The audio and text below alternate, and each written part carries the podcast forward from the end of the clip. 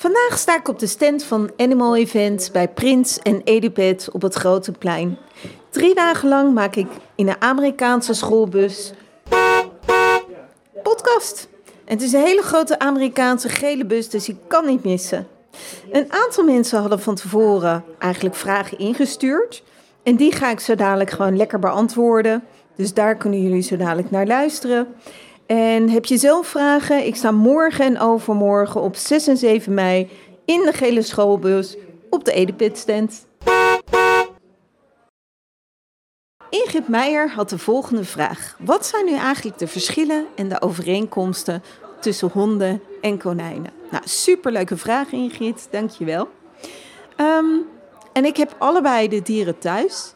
En ik moet eerlijk zeggen dat ik niet een specifieke voorkeur heb. Ik vind honden heel erg leuk en konijnen heel erg leuk. Kijk je naar honden en konijnen, dan zitten er zeker veel verschillen, maar ook heel veel overeenkomsten. Uh, konijnen zijn natuurlijk prooidieren, dus je hebt meer vluchtgedrag. En honden zijn natuurlijk meer roofdieren.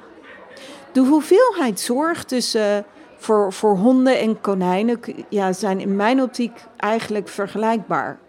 Alleen hoef je met een konijn niet naar buiten en met een hond wel. Maar ze hebben wel heel veel aandacht nodig, heel veel beweging en natuurlijk ook verzorging waar je mee bezig bent. Allebei de dieren zijn hele sociale wezens waar je hele diepe relaties ook mee kan opbouwen. Um, bij honden die, die liggen natuurlijk vaak bij je. Konijnen kan dat net zo goed. Er zijn heel veel konijnen die in de woonkamer loslopen en er gewoon voor kiezen om bij mensen te gaan liggen. Ook lopen mijn konijnen regelmatig achter mij aan. Um, wat ik ook erg leuk vind om naar te kijken, is omdat je eigenlijk altijd twee konijnen nodig hebt, is de dingen die ze samen doen. Samen spelen, samen eten, samen op boevenpad. Dat soort zaken, alles samen. Ook de binkies, honden maken dat wat minder. Uh, en dat zijn binkies zijn luchtsprongen die konijnen maken. Nou, daar kan ik enorm van genieten. En natuurlijk kun je ook enorm van genieten als je hond je uitdaagt, in een spelboog staat. Uh, dat betekent dat, uh, dat, ze iets door de voorpoten zakken en de achterhand omhoog hebben. En ze uitdagend vragen of, of ze bijvoorbeeld met jou kunnen spelen en dergelijke. En ja, blijven natuurlijk verschillende wezens. Ook de taal is natuurlijk heel erg anders. Konijnentaal, hondentaal. Konijnentaal zal heel erg wennen zijn voor mensen uh, die nog nooit een konijn hebben gehad. Maar andersom is het natuurlijk ook net zo hard zo. Ze kunnen allebei genieten van beweging. Uh, je kan zeker konijnen ook stimuleren om te bewegen. Um, zelf pak ik heel vaak uh, wat lekkers uh, of een bakje met lekkers. Dat schud ik even, komen ze naar me toe. Kan ik de afstand vergroten en dergelijke. Spelletjes vinden ze ook erg leuk en honden natuurlijk ook. Uh, we hebben allemaal uh, denkspelletjes, voerspelletjes. En het grappige is dat ik eigenlijk heel vaak de voerspelletjes voor de honden gebruik, die ik ook voor de konijnen inzet. Ik was even afgeleid, want mijn collega kwam de bus binnen, heel erg gezellig. Ik zie een hele grote big smile. Uh, ze zijn allebei heel erg trainbaar, weet je. Ze zijn, ik, er komen nu mensen de bus in, kom maar rustig binnen, welkom. Dus we worden af en toe gezellig even afgeleid, alleen maar hartstikke leuk. Um, even kijken, wat had ik nog meer punten allemaal bedacht? Dieet is natuurlijk ook heel wisselend. Kijk, heb je een konijn, dat is een herbivore. Ga rustig lekker zitten, pak er een stoel of een kruk bij. Nou, gezellig. Ja, allemaal hartstikke leuk. Terwijl honden natuurlijk omnivoren zijn. Nou, zo zie je dat er heel veel verschillen als overeenkomsten zijn tussen honden en konijnen. Nou, ik hoop dat ik hiermee je vraag beantwoord heb. En wie weet uh, kom ik je nog ergens live tegen. Dankjewel. Dag. Nou, Tamara Noordermeer vraagt: hoe begin je met een stel konijnen? Laten we eerst eens kijken naar welke, uh, welke geslachten je het beste samen kan zetten. Kijk je naar twee rammen, dan geeft dat het meeste kans op problemen. Hoewel er ook koppels bestaan van rammen die goed met elkaar omgaan, is dat niet gebruikelijk. En heb je gewoon meer kans dat het niet goed gaat als je twee rammen bij elkaar zet. De kans is gewoon heel groot dat het fout gaat. Punt. Als je twee voedsters hebt, dan is dat voor mij de twee naar beste combinatie. En tegelijkertijd krijgen ook veel voedsters vaak oneenigheid. Met name en vooral in het voorjaar.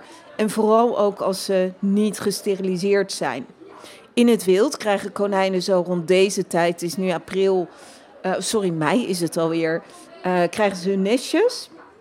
En dan zie je gewoon dat de hormonen opspelen en dat ze ja, toch eerder oneenigheid krijgen.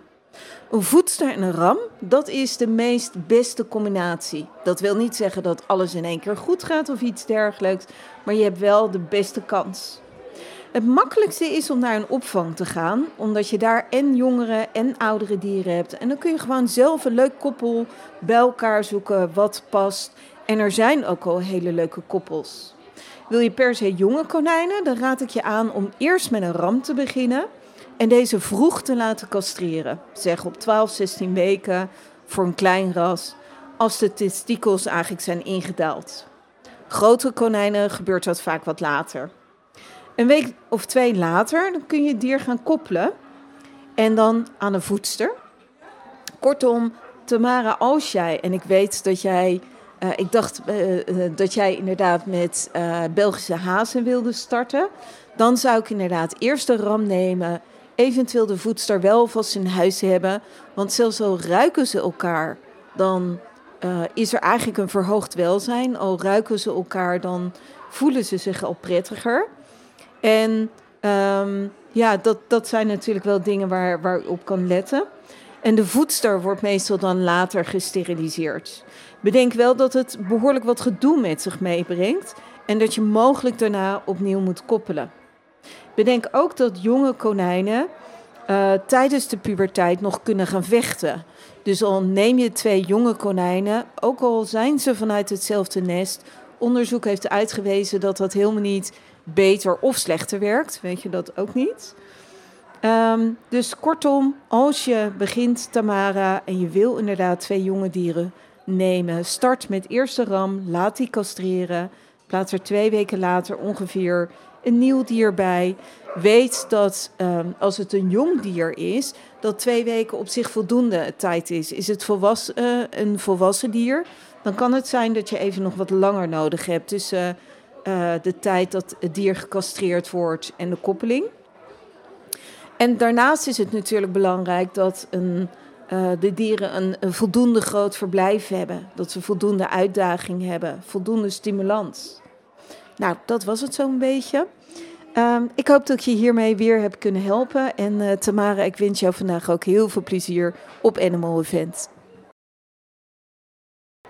Annemarie de Vrezen heeft ook een erg leuke vraag. Bernice, wat kun je doen tegen graven in de tuin? Nou, graven in de tuin is natuurlijk natuurlijk gedrag. En daarmee dus lastig af te leren. Wat kun je doen? Nou, probeer als het een specifieke plek is waar konijnen graven, dat je deze eventueel afzet. Uiteraard, wees er ook voorzichtig mee. Stel dat je gaas of iets neer zou liggen, dan heb je kans dat de, de, de behoefte zo groot is om te graven dat ze daarmee hun poten kunnen kapotmaken. Maar belangrijk is wel om het af te zetten en een alternatief te geven. Zelf denk ik dan bijvoorbeeld aan zo'n uh, graafbak. Denk even aan een, uh, zo'n kinderschelp, uh, zeg maar, waar, waar ook speelzand voor kinderen in zitten. Voordeel daarvan is dat je die dicht kan doen. Voordeel ook is dat die verplaatsbaar is. Dus stel voor dat uh, jouw konijn linksachter in de hoek graaft. Dan zou ik dat stukje dichtgooien. Dan zou ik daar iets op zetten. Dat kan een plant zijn of iets dergelijks. En daarnaast zou ik dan die graafpak zetten. En misschien zeg je wel van, ja, maar ik wil helemaal niet dat ze op die plek graven. Ik wil dat ergens anders wel kan. Want je zal wel een alternatief moeten aanbieden. En het voordeel van die graafbak, van die schelp, is dat je die kan verplaatsen.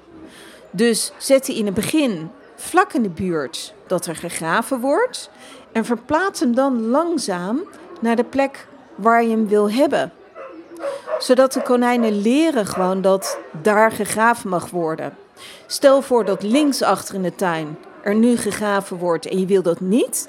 En je zet die schelp eh, of die graafbak, hoe die er ook uitziet, zet je aan de rechterkant.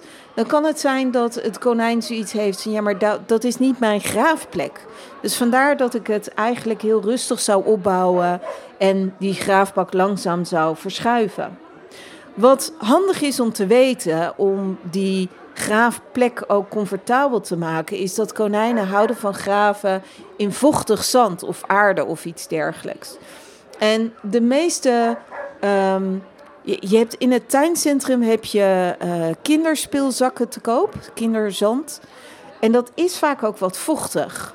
Nou, dat is de perfecte zand wat je daarvoor kan gebruiken. Eventueel kun je er nog wat brokjes in gooien of je konijn naar die zandschelp toelokken en, en laten zien dat dat er ook echt is.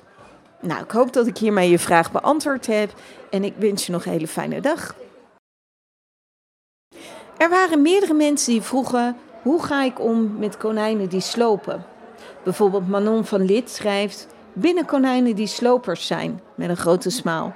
En waarvoor appel en wilgetakken en allerlei soorten verrijking niet voldoende zijn.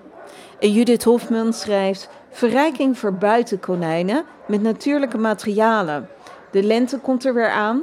En hoe doe ik dat dan? Nou, laten we eens daar naar kijken. Een van de eerste dingen die bij mij opkomt is sterilisatie en castratie. Mochten mensen konijnen hebben die heel onrustig zijn, die misschien veel slopen, dan is castratie en sterilisatie eigenlijk best nog wel een belangrijk onderdeel. Omdat konijnen die dat niet zijn, die hebben veel meer hormonaal en territoriaal gedrag, waardoor ze veel rustiger zijn. Laat je konijn castreren of steriliseren, dan zie je vaak dat er veel meer rust komt. Dus dat wil ik je alvast meegeven. Dan um, graven. Uh, dat is ook iets, zeker bij uh, voedsters, bij vrouwtjes. De vrouwelijke konijnen in de natuur, die, um, ik zwaai even ondertussen. Um, de vrouwelijke konijnen in de natuur, die graven eigenlijk de burchten uit. Die uh, maken nestkamers en dergelijke. En als je dus een voedster hebt die vrij actief is en dergelijke, dan kan het enorm helpen om te zorgen dat ze kunnen graven. Knagen. Nou, Manon geeft wel aan, ik geef wel appel- en wilgetakken. Wat kan ik dan nog meer doen? Nou, ik denk dat dat voldoende is. Ik ga daar zo verder nog op in. Welke takken je in elk geval kan geven zijn bijvoorbeeld appeltakken, bamboe, beuk, berk, eik. Eik niet te veel in verband met looizuur. Beuk, uh, denk aan de beukennootjes natuurlijk wel met uh, maten. En van de appelboom geen sierappel. Uh, de els, de hazelaar, de perenboom, de populier, de tamme kastanjes. Kastanjes ook echt met maten. En de wilg, behalve de treurwilg, zou ik niet doen. Dus knagen is natuurlijk een belangrijk iets. Wat ik vaak ook als knaagmateriaal heb, is uh, hyacinttunnels. Kom binnen. Hyacinttunnels, aardpeerstokjes en dergelijke. Dat zijn allemaal materialen waar konijnen wat langer mee bezig zijn. Als je ze een snack geeft en het is hapslik weg, ja, daar heeft een konijn, weet je, heel kort wat aan. Dus ik zoek heel vaak materialen waar konijnen wat langer mee bezig zijn. Dan rennen en ruimte hebben. Konijnen zijn natuurlijk dieren die best wel heel veel beweging nodig hebben. En dat betekent dus ook dat je iets moet hebben, een ruimte moet hebben van, nou zeg minimaal 4, 5 vierkante meter in de lengte, waar kleine konijnen kunnen bewegen. Vergis je niet, grote konijnen hebben veel meer ruimte nodig. Bijvoorbeeld mijn Vlaamse reus, als die een binky maakt, zo'n luchtsprong, dan heeft zij al, heeft zij al minimaal 8 meter nodig. Dus zorg dus dat er een plek is uh, binnen de ren die je hebt waar er voldoende ruimte is om ook te rennen. Eten zoeken, eten strooien, verstoppen, in denkspellen doen, dat zijn allemaal zaken die, uh, waar, waar konijnen in elk geval iets meer actie bij hebben in, in plaats dat je eten in de voerbak uh, doet.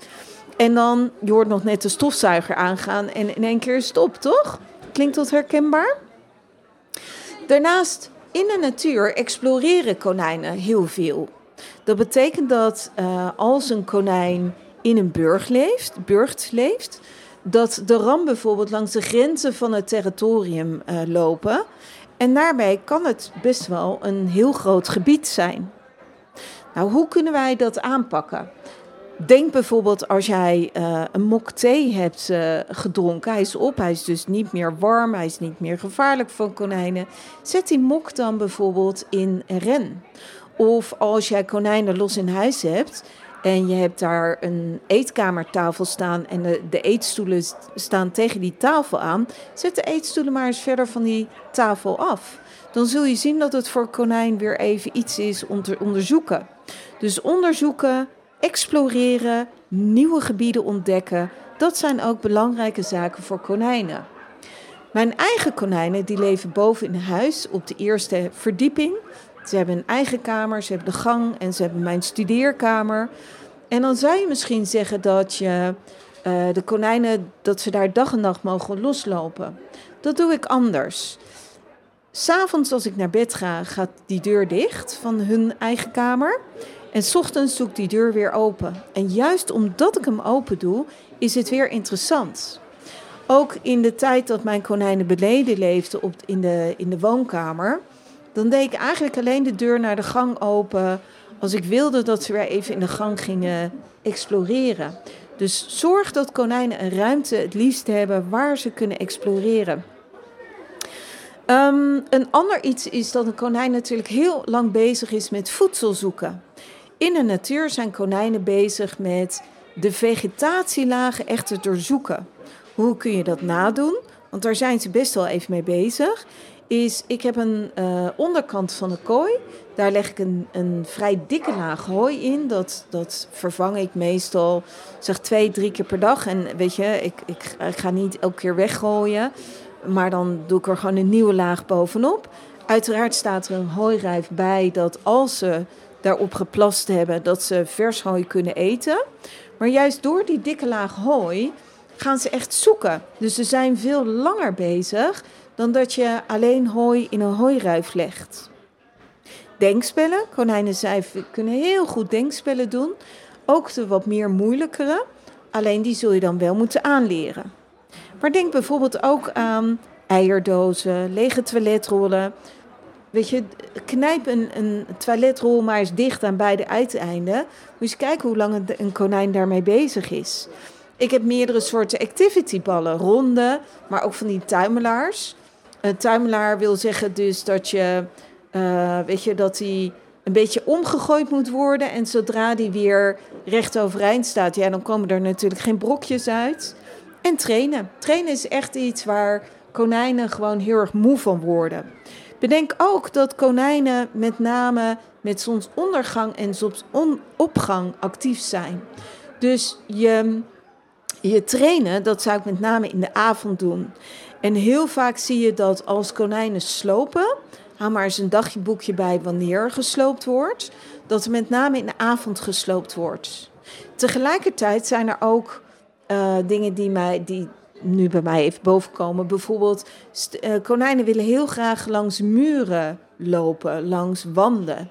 En als je dat net hebt geblokkeerd door kabels, dan willen ze die kabels uit de weg uh, ruimen. Nou, tot zover even de vraag. Judith en Manon, ik hoop dat je hiermee geholpen hebt. En ik wens jullie een hele fijne dag toe. Tot ziens. Superleuk dat je weer naar mijn podcast luisterde. Dankjewel ook. Het is mijn missie om het welzijn van konijnen naar een hoger niveau te tillen. En konijnen en mensen samen meer plezier te laten beleven. Wil jij nog meer inspiratie? Lees dan een van mijn boeken. Of kijk op edupep.nl voor al onze cursussen en opleidingen. Misschien vind je het prettig om alle afleveringen overzichtelijk onder elkaar te hebben? Abonneer je dan op deze podcast. En heb jij nog meer vragen over konijnen die ik tijdens een uitzending kan behandelen? Stuur mij dan een berichtje op contact.berniesmunt.nl Tot over twee weken.